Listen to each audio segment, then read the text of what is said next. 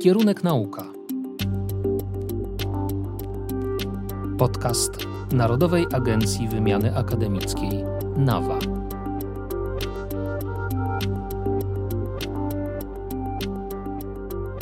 Tym razem ponownie o polskich powrotach, jednym z najważniejszych programów Narodowej Agencji Wymiany Akademickiej.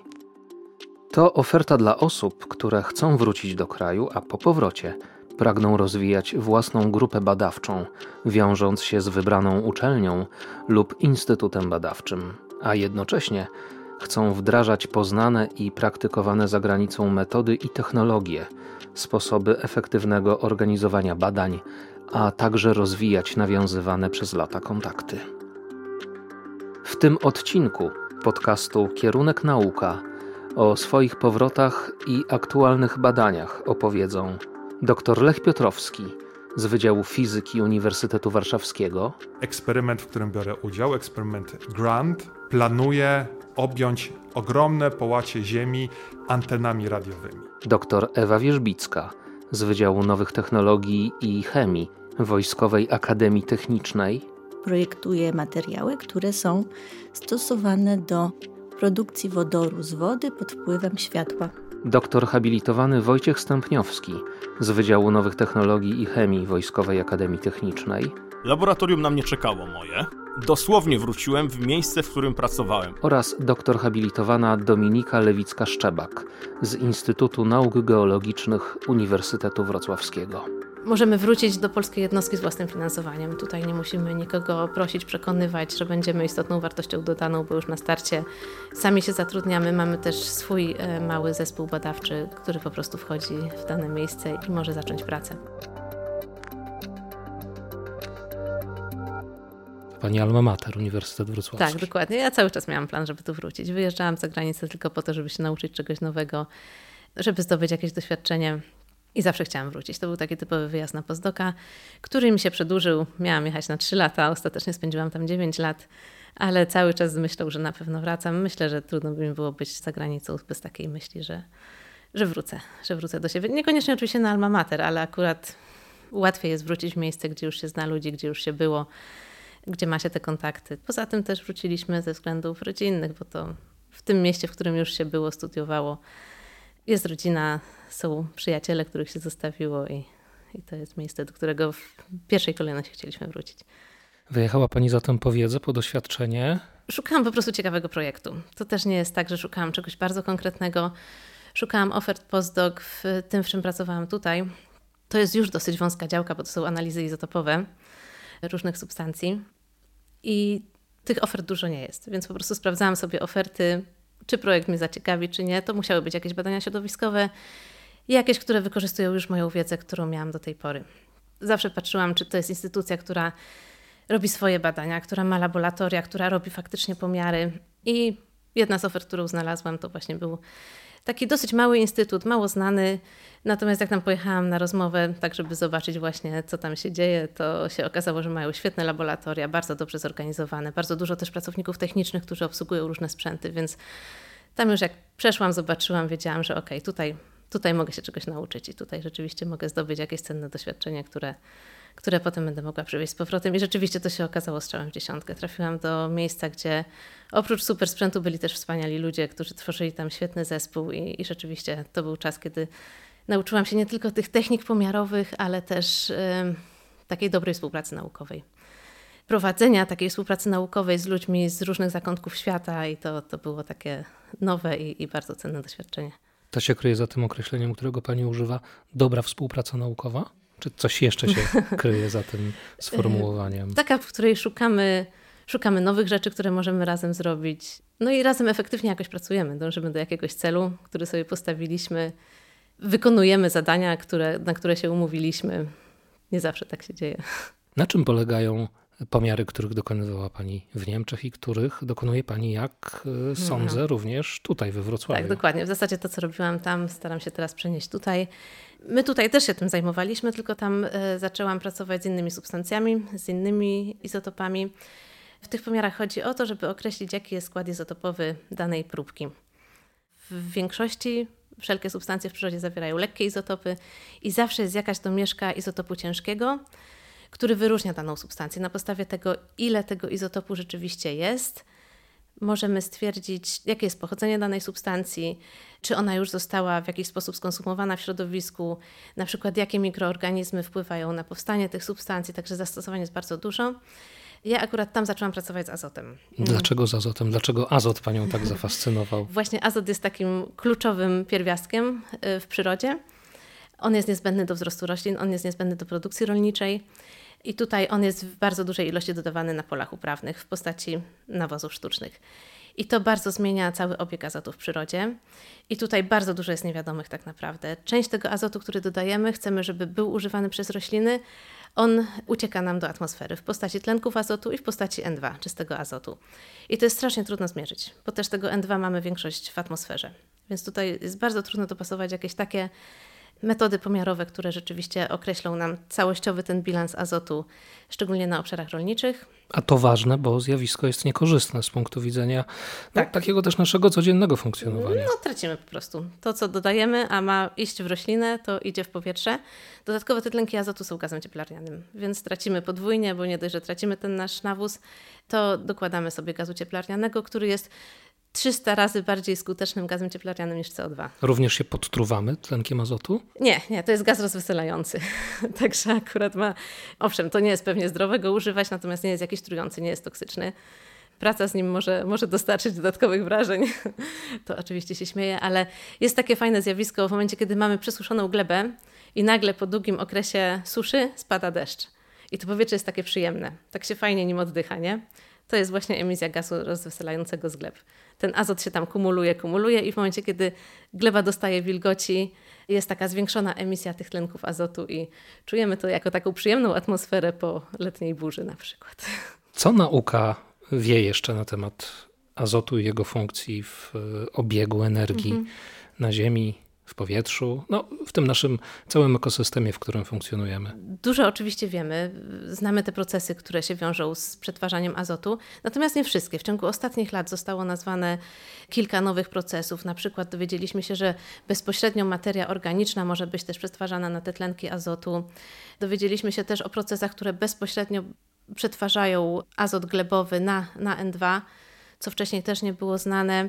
I dużo z tych procesów zostało rzeczywiście opisane dzięki analizom izotopowym, dzięki tak zwanemu znakowaniu izotopowemu, czyli dokładamy sztucznie ten ciężki izotop azotu do gleby i potem sobie badamy, gdzie on wędruje, w których związkach. Możemy na tej podstawie opisać cały model i ten model obiegu azotu badać.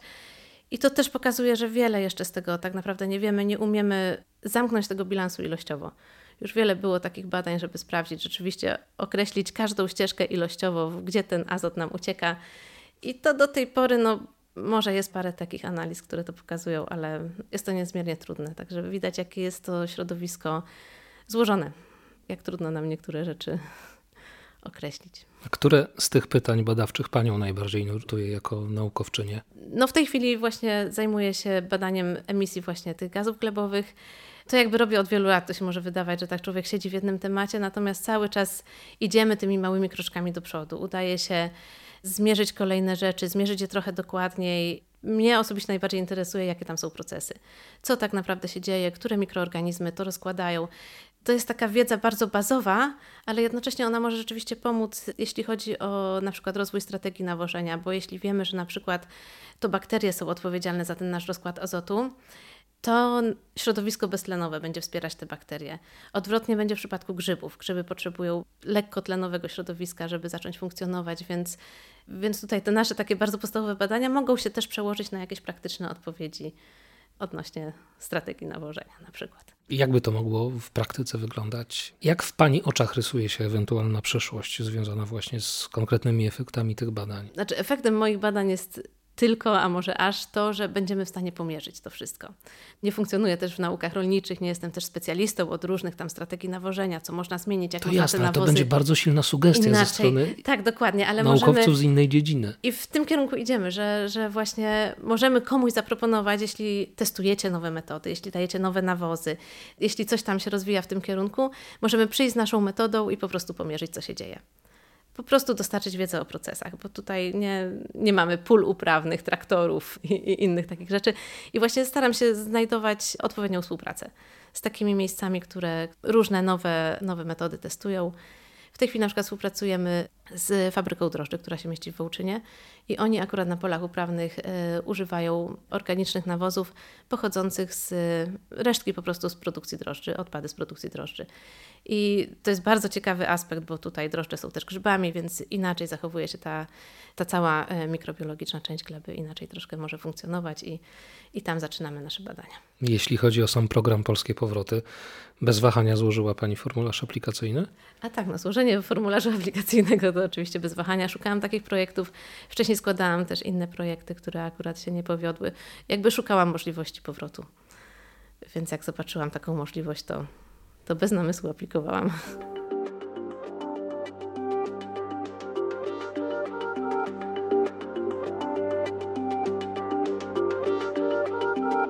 Skąd pomysł na udział w programie Polskie Powroty Narodowej Agencji Wymiany Akademickiej? Po prostu starałam się wrócić do Polski. Doktor Ewa Wierzbicka. Bo ja nigdy nie chciałam zostać za granicą na stałe.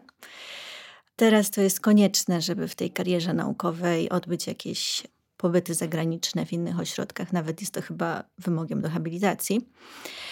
Więc rozglądałam się za różnymi opcjami, jak wrócić z największą korzyścią, z najlepszym jakimś projektem i myślę, że NAWA jest całkiem ciekawą opcją.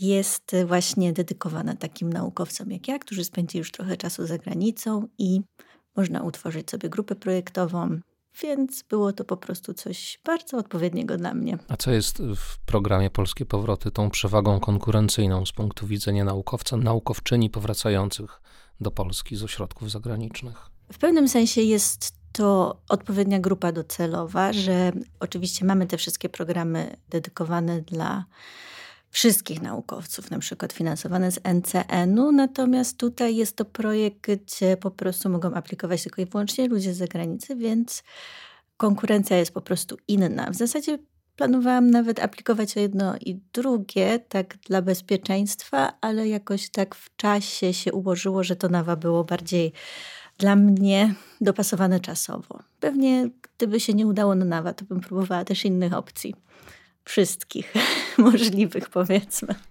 Ja sobie to bardzo dobrze zaplanowałam wszystko w czasie. Jak gdyby myślałam już o tym z około dwuletnim wyprzedzeniem, że będę aplikować i tak sobie wszystko poukładałam, żeby dobrze mi się to zgrało. Skąd, dokąd w takim razie ten transfer się odbył w Twoim przypadku? Ostatecznie z Berlina, ale to już był mój trzeci ośrodek zagraniczny. Samo stypendium dotyczy jakiej sfery? Inżynieria materiałowa, i w zasadzie projektuje materiały, które są stosowane do produkcji wodoru z wody pod wpływem światła. Co to nam da? A mam nadzieję, że bardzo dużo. Teraz przecież chcemy się przerzucić na wszystkie te zielone technologie, a metody, które ja używam do produkcji wodoru, są najbardziej zielone z zielonych. Co to znaczy, że są najbardziej zielone z zielonych i to jeszcze e, metody, technologie związane z produkcją wodoru, które same w sobie chyba są cały czas sporym wyzwaniem, tak mi się wydaje. No to wszystko jest ogólnie dość skomplikowane i akurat rzeczy, którymi ja się zajmuję, to są jeszcze bardzo w fazie takich badań podstawowych. Nie jest to technologia, która szybko będzie skomercjalizowana. Ja zajmuję się w zasadzie dwoma technikami, czyli wydzielaniem fotokatalitycznym, czyli tutaj mamy tylko materiał, który umieszczamy w wodzie, świecimy na to światłem i produkujemy wodór. Czyli jest to powiedzmy całkowicie za darmo. Druga technika, którą wykorzystuję, to jest fotoelektrokataliza, czyli tam jak gdyby głównym źródłem energii jest światło, ale żeby zwiększyć wydajność procesu, to też przykładamy trochę zewnętrznego napięcia, więc wykorzystujemy tam jakieś takie y, minimum y, energii zewnętrznej, żeby zwiększyć wydajność tego procesu, natomiast jest to relatywnie bardzo niewiele. Więc tak, zastosowanie wody i światła do produkcji wodoru. Wydaje się, że jest to taka ekologiczna strategia no ale jeszcze tu na pewno jest bardzo dużo do zrobienia w tym temacie. Jak daleko jesteśmy od tej chwili, w której wodór będzie używany na co dzień jako źródło energii? Wydaje mi się, że jesteśmy całkiem blisko. W zasadzie to jesteśmy nawet zmuszeni obecnie do tego, żeby się na ten wodór przestawić. Unia Europejska wprowadziła różne restrykcje, które na nas wymuszają takie zmiany. Do 2050 roku musimy osiągnąć neutralność klimatyczną, więc nie możemy już więcej używać tych wszystkich klasycznych źródeł energii, tych e, paliw kopalnych. W związku z tym musimy się przerzucić na coś innego. I myślę, że wodór jest jednym z najbardziej obiecujących kandydatów. Pytanie tylko brzmi, jakimi metodami będzie on wytwarzany. No właśnie, żeby nie pojawiło się tak zwane masło maślane. To znaczy, pozyskujemy wodór metodami, które wcale nam nie gwarantują neutralności. Na razie troszkę tak to wygląda, dlatego poszukujemy nowych rozwiązań. Myślę, że najbardziej możliwą metodą będzie elektroliza wody, czyli na sposób elektrochemiczny, z wykorzystaniem energii z odnawialnych źródeł energii, czyli energii wiatru, czy z elektrowni wodnych. To jest coś, co już w jakimś stopniu działa i jest, działa w takiej skali, żeby mogło to znaleźć zastosowanie przemysłowe.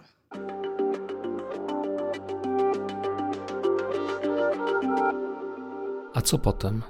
Co w momencie, w którym skończy się stypendium przyznane przez NAWA i no też w jakiś sposób y, grupa badawcza, która powstała, przestanie w tych właśnie określonych warunkach działać? No, mam nadzieję, że się uda to kontynuować. Jestem tu w Polsce około półtora roku dopiero, więc to wszystko się dzieje jak gdyby teraz na bieżąco. Nie wiadomo, jaki będzie tak naprawdę efekt końcowy, no ale staram się zostać oczywiście jak najbardziej. Składam nowe wnioski grantowe. Myślę, że też uczelnia będzie zainteresowana, mam nadzieję, tym, żebym została trochę dłużej tutaj. No i miejmy nadzieję, że się ułoży. To jest wszystko bardzo dynamiczne, no bo wiadomo, że staramy się składać wnioski grantowe. Obecnie to finansowanie jest niełatwe do uzyskania, no ale postaramy się zrobić wszystko, co w naszej mocy, żeby przedłużyć funkcjonowanie tej mojej grupy. Ile ona liczy osób? Akurat w przypadku NAWA to jest troszkę inaczej niż zwykle. W sensie ja mam jednego pracownika naukowego, postdoka. W skład mojej grupy projektowej wchodzi tak zwana osoba zapraszająca, czyli mój bezpośredni przełożony, który jak gdyby nawiguje mną po tych wszystkich strukturach uczelni. To też jest bardzo pomocne na początku, szczególnie, że ja nigdy nie pracowałam w tym miejscu, więc jest to dla mnie też nowa jednostka i wszystkie te kwestie administracyjne są też dla mnie nowością. I też mam jednego pracownika administracyjnego, który pomaga mi właśnie z tymi formalnościami dotyczącymi projektu to też jest bardzo dużym ułatwieniem. Dość komfortowe warunki. Tak, tak. Z tej struktury akurat jestem bardzo zadowolona. Myślę, że mi to dużo pomogło na początku.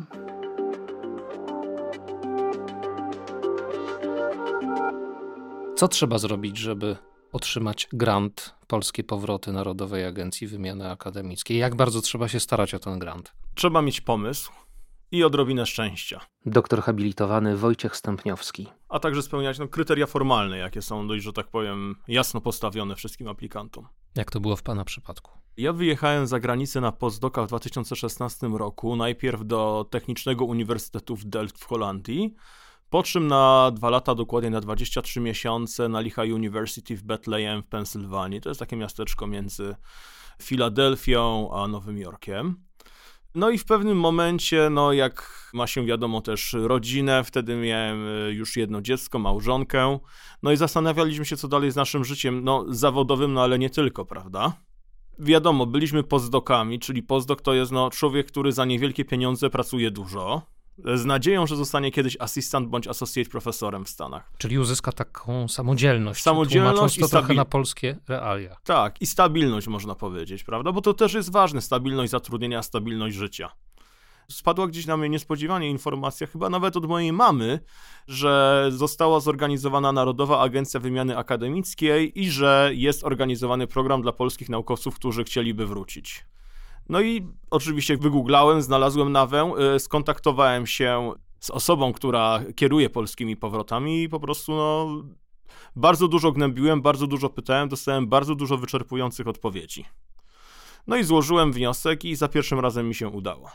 Ten wniosek dotyczył, mówiąc najogólniej, energii. Inaczej, najogólniej mówiąc, robienia bimbur z dwutlenku węgla.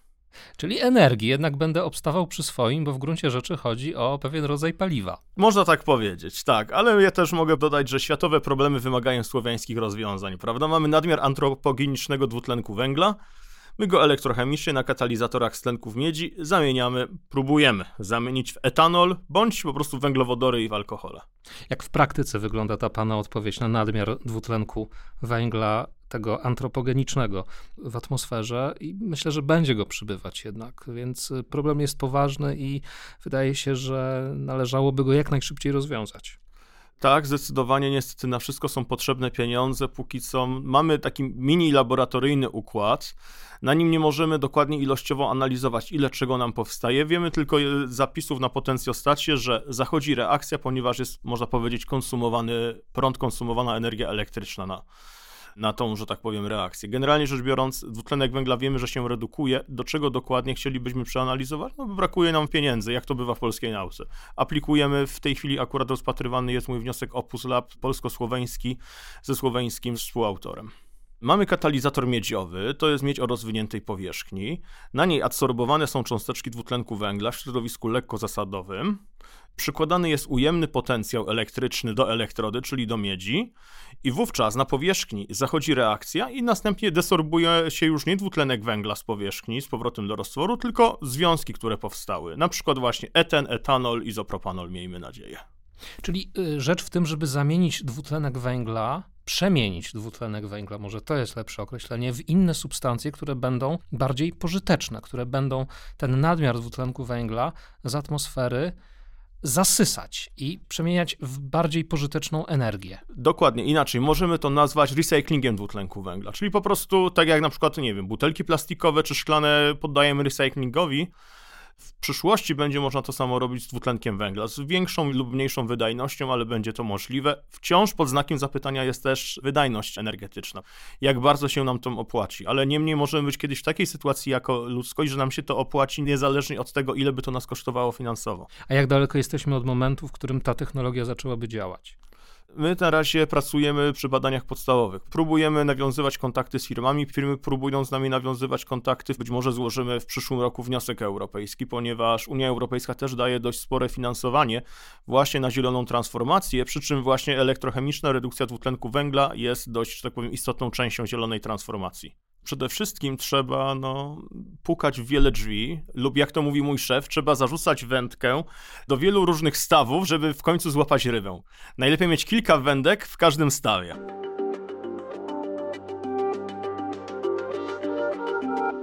Jak wyglądał Pana powrót do Polski od tej bardzo praktycznej strony? Jak wyglądało organizowanie laboratorium zespołu badawczego? Powiem inaczej, ja dosłownie wróciłem w miejsce, w którym pracowałem. Laboratorium na mnie czekało moje, Czyli można powiedzieć, moje układy do elektrochemicznego utleniania metali i ich stopów stały. Wszystko było ok. Laboratorium sam zbudowałem dzięki finansowaniu dziekana w 2015-16 roku, mniej więcej rok przed moim wyjazdem. Powrót był, no można powiedzieć, gładki, albowiem Narodowa Agencja Wymiany Akademickiej zapłaciła dla mnie, dla mojej małżonki, dla syna za bilety lotnicze powrotowe. Nawet wrzuciliśmy nasz e, samochód ze stertą ubrań, zabawek syna na statek, za co nam również agencja zapłaciła.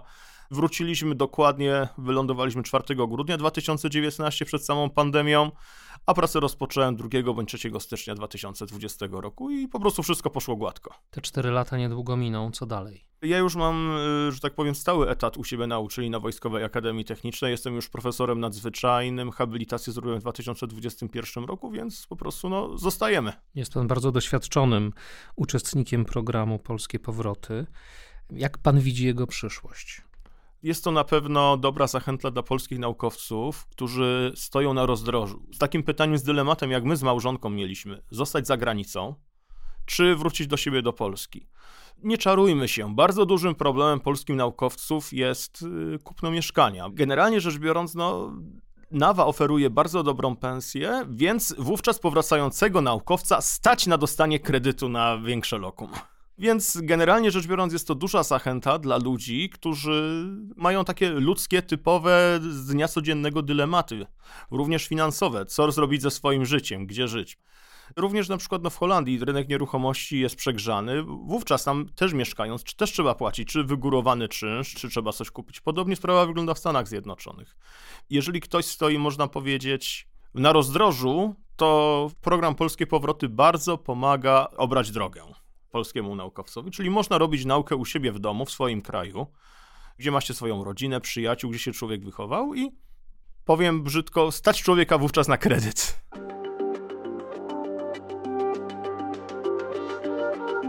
Odbiegliśmy trochę od tego głównego wątku, a jeszcze chcę wrócić do tych różnic pomiędzy prowadzeniem, sposobem prowadzenia badań w Holandii czy w Stanach Zjednoczonych, a tym, co zastał pan po powrocie do Polski, do Warszawy, na Wojskową Akademię Techniczną? Ja muszę powiedzieć, tu mam najlepsze laboratorium, w jakim pracowałem, bo jest duże, przestronne, no i tak naprawdę mam, jest to sprzęt, który od czasów doktoratu już, że tak powiem, budowałem.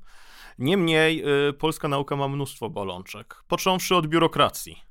Na każdą jedną rzecz, gdy polski naukowiec chce kupić, nie wiem, kawałek szkła laboratoryjnego za 100 zł, musi wypełnić od groma papierków, zapotrzebowań, oświadczeń, tabelek, ofert, kontrofert. No to jest cały dzień roboty na jedną rzecz.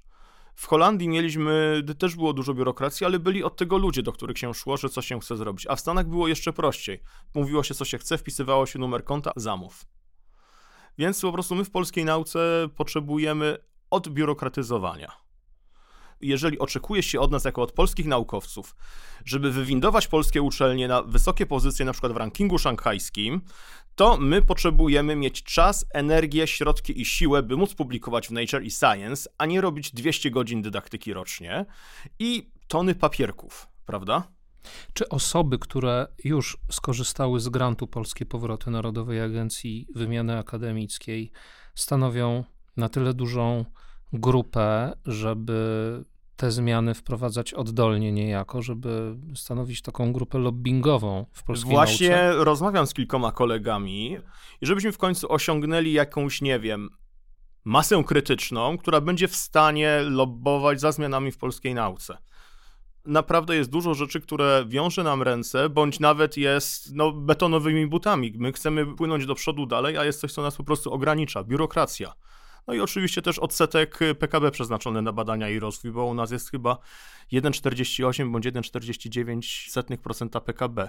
I to jest ważniejsze, Pana zdaniem, czy równie ważne niż absorpcja antropogenicznego dwutlenku węgla z atmosfery? Nie będzie dobrych badań naukowych z dużymi sukcesami, jeżeli my będziemy cały czas związani no, z sprawami administracyjnymi, przyziemnymi. Wówczas nie czytam publikacji, wówczas nie pracuję w laboratorium, wówczas robię papierologię. To jest niestety smutna rzeczywistość polskiej nauki. Mam nadzieję do zmiany.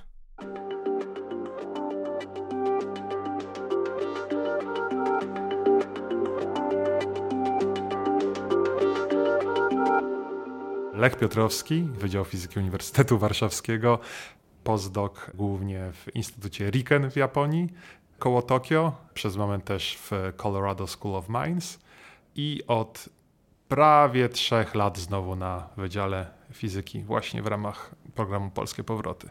Jako student i doktorant zajmowałem się tak zwanymi błyskami gamma, i dopiero wyjeżdżając na postdoka, czyli staż podoktorski, zmieniłem to na promieniowanie kosmiczne. To jest, rozumiem, też teraz y, główny Tak. Punkt Pana badań. Na czym one polegają? Co Pana najbardziej interesuje w nauce, w fizyce? Odkrywanie nieznanego. Próba zrozumienia oczywiście, jak działa wszechświat, ale konkretnie mnie interesuje rozwiązywanie tajemnic. Jak czegoś faktycznie nie wiemy, czegoś takiego ewidentnego, bo trochę takich tajemnic jest ciągle w fizyce, to właśnie mnie najbardziej interesuje zbliżenie się do zrozumienia zjawiska, skąd coś się bierze. Zamiast jakichś precyzyjnych pomiarów, bardziej mnie interesują, można powiedzieć, odkrycia. A konkretnie co w tym momencie? W tym momencie pochodzenie promieniowania kosmicznego najwyższych energii. Promieniowanie kosmiczne najwyższych energii to są przede wszystkim e, protony, jądra atomowe docierające do Ziemi. Również można powiedzieć, że neutrina i inne cząstki, chociaż według konserwatywnej definicji to są naładowane cząstki i one mogą mieć różne energie. Powiedzmy różne prędkości. I jeżeli chodzi o te o takich powiedzmy niskich energiach, średnich energiach, to wiemy skąd one się biorą. Natomiast te o najwyższych energiach nie mamy pojęcia. Mamy hipotezy, ale próby zmierzenia, rozszyfrowania tego skąd one do nas przylatują, co we wszechświecie jest w stanie wygenerować tak ogromne energie, do tej pory spełzły na niczym i próbujemy stworzyć nowe eksperymenty, które w końcu rozwiążą tę zagadkę. Jakie mamy hipotezy? To pierwsze pytanie. I drugie powiązane z tym, na czym te eksperymenty polegają. Zacznę od hipotez wobec tego. Są dwie klasy, dwie podstawowe klasy hipotez, tak zwane bottom-up i top-down. I hipotezy klasy bottom-up są bardziej prawdopodobne w tej chwili. Ale na czym konkretnie to polega? W bottom-up mamy założenie, że istnieje jakiś obiekt astrofizyczny, najprawdopodobniej znany, na przykład jakaś radiogalaktyka, pulsar albo jakiś błysk gamma, który ma pewien rozmiar i ma pewne pole elektromagnetyczne i taka cząstka naładowana po prostu jest w polu tego obiektu przyspieszana. Im większy obiekt, tym pole może być słabsze, bo dłużej jest ta cząstka przyspieszana. Im mniejszy obiekt, tym pole musi być silniejsze. E, I mamy po prostu przez tą zależność mamy klasę obiektów, które podejrzewamy o to, że mogą rozpędzać te protony lub jądra atomowe do tak dużych energii. Natomiast nie udało się ciągle zidentyfikować, powiedzieć, że to na pewno z danego obiektu pochodzi, bo promieniowanie jest bardzo rzadkie. Przychodzi jedna cząstka na kilometr kwadratowy na 100 lat lub na 1000 lat. Więc po jednej nie jesteśmy w stanie nic rozpoznać. Potrzebujemy wiele cząstek z tego samego kierunku, żeby powiedzieć, że tam jest na przykład jakaś radiogalaktyka albo tam był błysk gamma i teoretyzować, że to stamtąd pochodzi. Natomiast jest druga klasa modeli, mniej popularna w tej chwili, bo różne pomiary sugerują, że te modele nie są odpowiedzialne przynajmniej za większość promieniowania. To są modele top-down. One są atrakcyjniejsze, jeżeli ktoś lubi science fiction, bo to są czysto hipotetyczne obiekty, których nie znamy. Czyli na przykład struna kosmiczna. Taka struna kosmiczna być może istnieje, być może one unoszą się w kosmosie i być może od czasu do czasu się rozpadają taki dziwny, hipotetyczny obiekt jednowymiarowy może rozpaść się na kawałki, może stworzyć na przykład jakieś takie gigantyczne cząstki, których również nie znamy, które następnie właśnie rozpadną się na protony, jądra atomowe, e, jakieś fotony, neutrina, które przy tym rozpadzie powstaną z bardzo dużymi energiami i też mogłyby właśnie stanowić to promieniowanie kosmiczne najwyższych energii. Ale chyba, chyba to nie stąd się bierze. Jak w takim razie się weryfikuje te hipotezy? To znaczy, w którym kierunku i w jaki sposób przeprowadza się eksperymenty? Na razie wygląda to, że nie mamy innego sposobu. Trzeba budować gigantyczne eksperymenty wykrywające promieniowanie kosmiczne. Myślę, że nie skłamię, jeżeli powiem, że to są największe, w pewnym sensie największe eksperymenty naukowe na Ziemi. Taka jedna cząstka promieniowania kosmicznego na najwyższych energii dociera do nas, jeżeli byśmy patrzyli na kilometr kwadratowy powierzchni Ziemi, raz na 100 lub raz na 1000 lat. Więc jeżeli chcemy zarejestrować w ciągu roku tych cząstek kilka, to musimy mieć detektory, czy też monitorować obszary Ziemi o powierzchni setek, czy też tysięcy kilometrów kwadratowych. I aktualnie największy eksperyment e, mierzący promieniowanie kosmiczne, e, Pierre Auger Observatory w Argentynie, ma rozmiar 3600 km2. To jest oczywiście uproszczenie, bo tak naprawdę on ma małe detektory, które są rozstawione w takiej siatce na tak dużym obszarze. Natomiast ten obszar jest potrzebny. I eksperyment ten działa już grubo ponad 10 lat i ciągle za mało wykrył tych cząstek, żeby powiedzieć, że one przychodzą z danego kierunku, że przychodzą na przykład od jakichś pulsarów, magnetarów. Za mało ich jest, są zbyt rozproszone, nie jesteśmy w stanie z żadnym istotnym prawdopodobieństwem statystycznym stwierdzić, że okej, okay, większość cząstek przychodzi od źródeł, które już zobaczyliśmy w, powiedzmy w klasycznej astronomii, więc prawdopodobnie to są faktycznie obiekty, które tworzą to promieniowanie kosmiczne. Potrzebujemy większych eksperymentów lub trochę innego podejścia.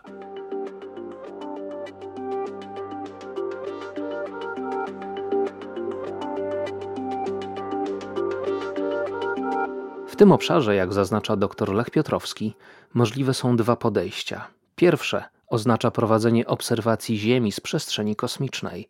mimo że mamy eksperymenty, które są gigantyczne już w tej chwili, nie jesteśmy w ciągu najbliższej dekady czy dwóch dekad, może dwóch dekad już tak, ale najbliższej dekady rozwiązać tego problemu przy użyciu aktualnych eksperymentów. Więc trzeba stworzyć eksperymenty, które będą działały w trochę inny sposób. Jednym podejściem, takim skrajnie innym, którym zajmowałem się właśnie będąc w Japonii, jest umieszczenie eksperymentów nie na Ziemi, ale w przestrzeni kosmicznej. Oba rodzaje eksperymentów patrzyłyby bądź patrzą na atmosferę ziemską. Otóż przychodzi do nas taki proton lub takie jądro atomowe najwyższych energii i wchodzi w atmosferę. I my nie rejestrujemy tego protonu czy jądra atomowego bezpośrednio. Dałoby się w przestrzeni kosmicznej, jakbyśmy mieli na tyle szczęścia, żeby on trafił w nasz detektor. Natomiast na szczęście w atmosferze on oddziałuje, uderza w jądra atomowe powietrza azotu, tlenu i tak dalej.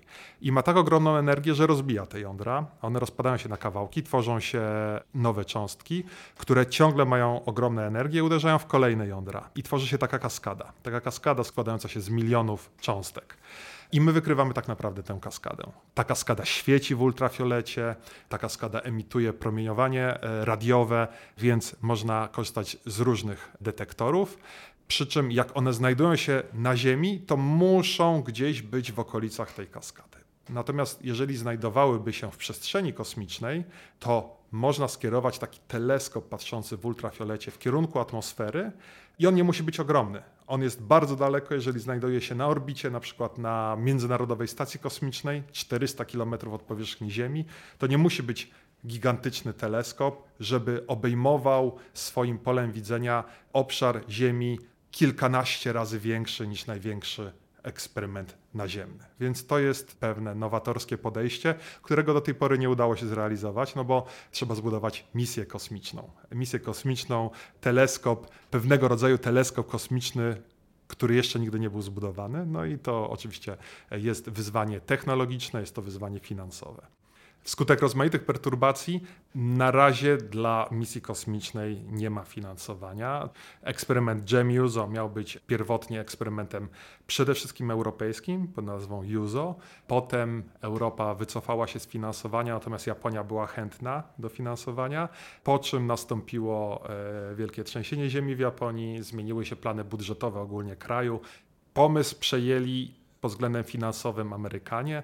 Zmieniła się nazwa eksperymentu na Poema i trochę koncepcja, ale ciągle byłby to teleskop, e, czy też teleskopy orbitalne. Taka misja kosmiczna może dać nam bardzo dużo nowej, interesującej nauki, ale potrzebne jest finansowanie, którego w tej chwili nie ma i w Japonii wcale perspektywy się nie otwierały, wręcz przeciwnie, zamykały się. Drugie podejście zakłada budowanie alternatywnych eksperymentów na Ziemi. I to jest to, czym ja się aktualnie zajmuję. Eksperyment, w którym biorę udział, eksperyment GRANT, czyli Giant Radio Array for Neutrino Detection, planuje objąć ogromne połacie Ziemi antenami radiowymi. Eksperyment ten nie zamierza patrzeć na promieniowanie kosmiczne, które przychodzi do nas niemalże pionowo, tylko na to, które przychodzi do nas niemalże poziomo i przede wszystkim na neutrina, które by do nas przychodziły, będąc wcześniej wytworzone przez to promieniowanie kosmiczne najwyższych energii. Dlaczego ten eksperyment ma być taki ogromny, a aktualne eksperymenty nie są takie ogromne? Dlatego, że właśnie ma on korzystać z anten radiowych. Aktualne eksperymenty skupiają się przede wszystkim na wykrywaniu cząstek z kaskady lub też obserwacji światła z kaskady, światła ultrafioletowego z kaskady. Obie metody są drogie. Natomiast antena radiowa jest banalna. To jest kawałek metalu. Naprawdę nasze anteny wyglądają bardzo pospolicie. One są zoptymalizowane oczywiście naszych zadań, ale koszt ich wytworzenia jest samej anteny prawda, kilkadziesiąt dolarów. Coś takiego. Droga jest elektronika, ale i tak dużo tańsza niż w innych eksperymentach. I my chcielibyśmy stworzyć taki eksperyment, który docelowo stawiałby jedną antenę na kilometr kwadratowy i docelowo miał tych anten 200 tysięcy. Tak, chcielibyśmy obserwować w latach 30. Na razie jesteśmy na etapie testowania prototypów. Jeżeli ten eksperyment się powiedzie, będzie obserwował gigantyczne obszary Ziemi, będzie obserwował zarówno promieniowanie kosmiczne bezpośrednio, tak jak aktualne eksperymenty, jak i neutrina tworzone przez to promieniowanie i wreszcie powinien rozwiązać zagadkę, zaobserwować tych cząstek na tyle dużo, żeby one wskazały nam miejsce, z którego pochodzą na mapie nieba i żeby udało się stwierdzić, a w tym miejscu wcześniej astronomowie zaobserwowali na przykład magnetar. No to prawdopodobnie magnetary rozpędzają te nasze cząstki.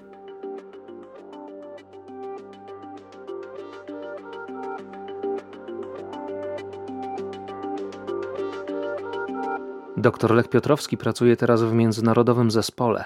To konsorcjum stworzone przez podmioty z 16 krajów. Zostałem poznany z aktualnym szefem eksperymentu Grant na konferencji w Wietnamie.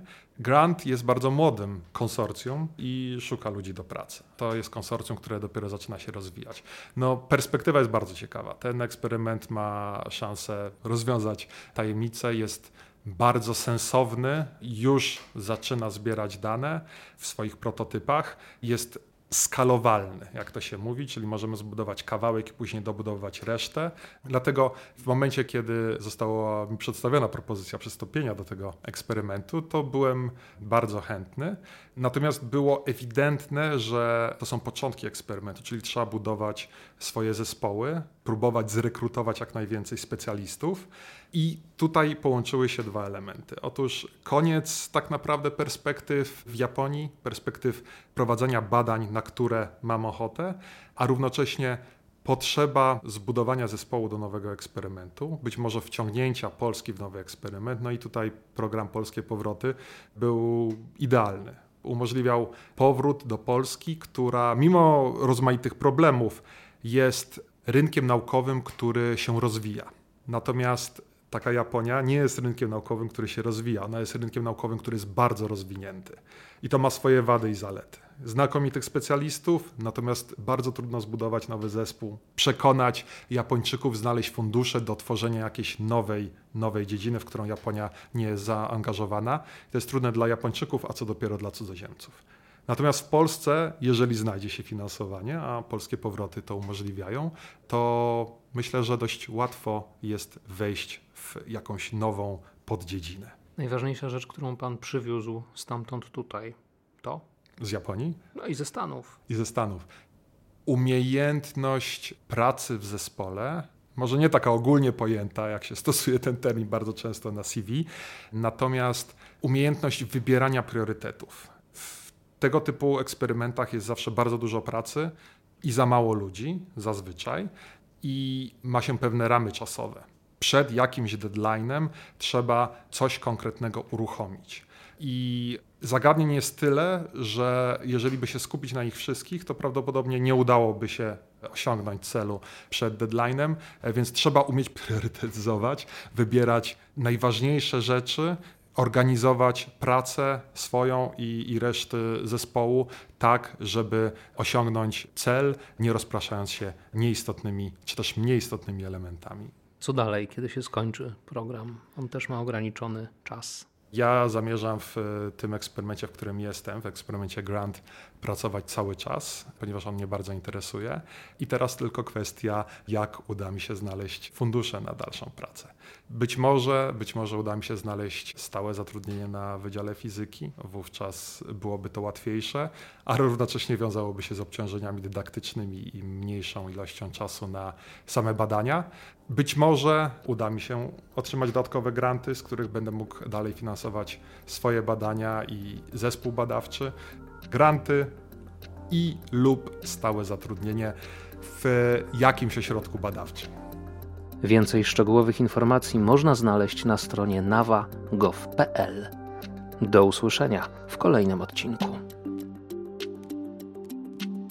To był podcast Narodowej Agencji Wymiany Akademickiej. Kierunek nauka. Realizacja Free Range Productions.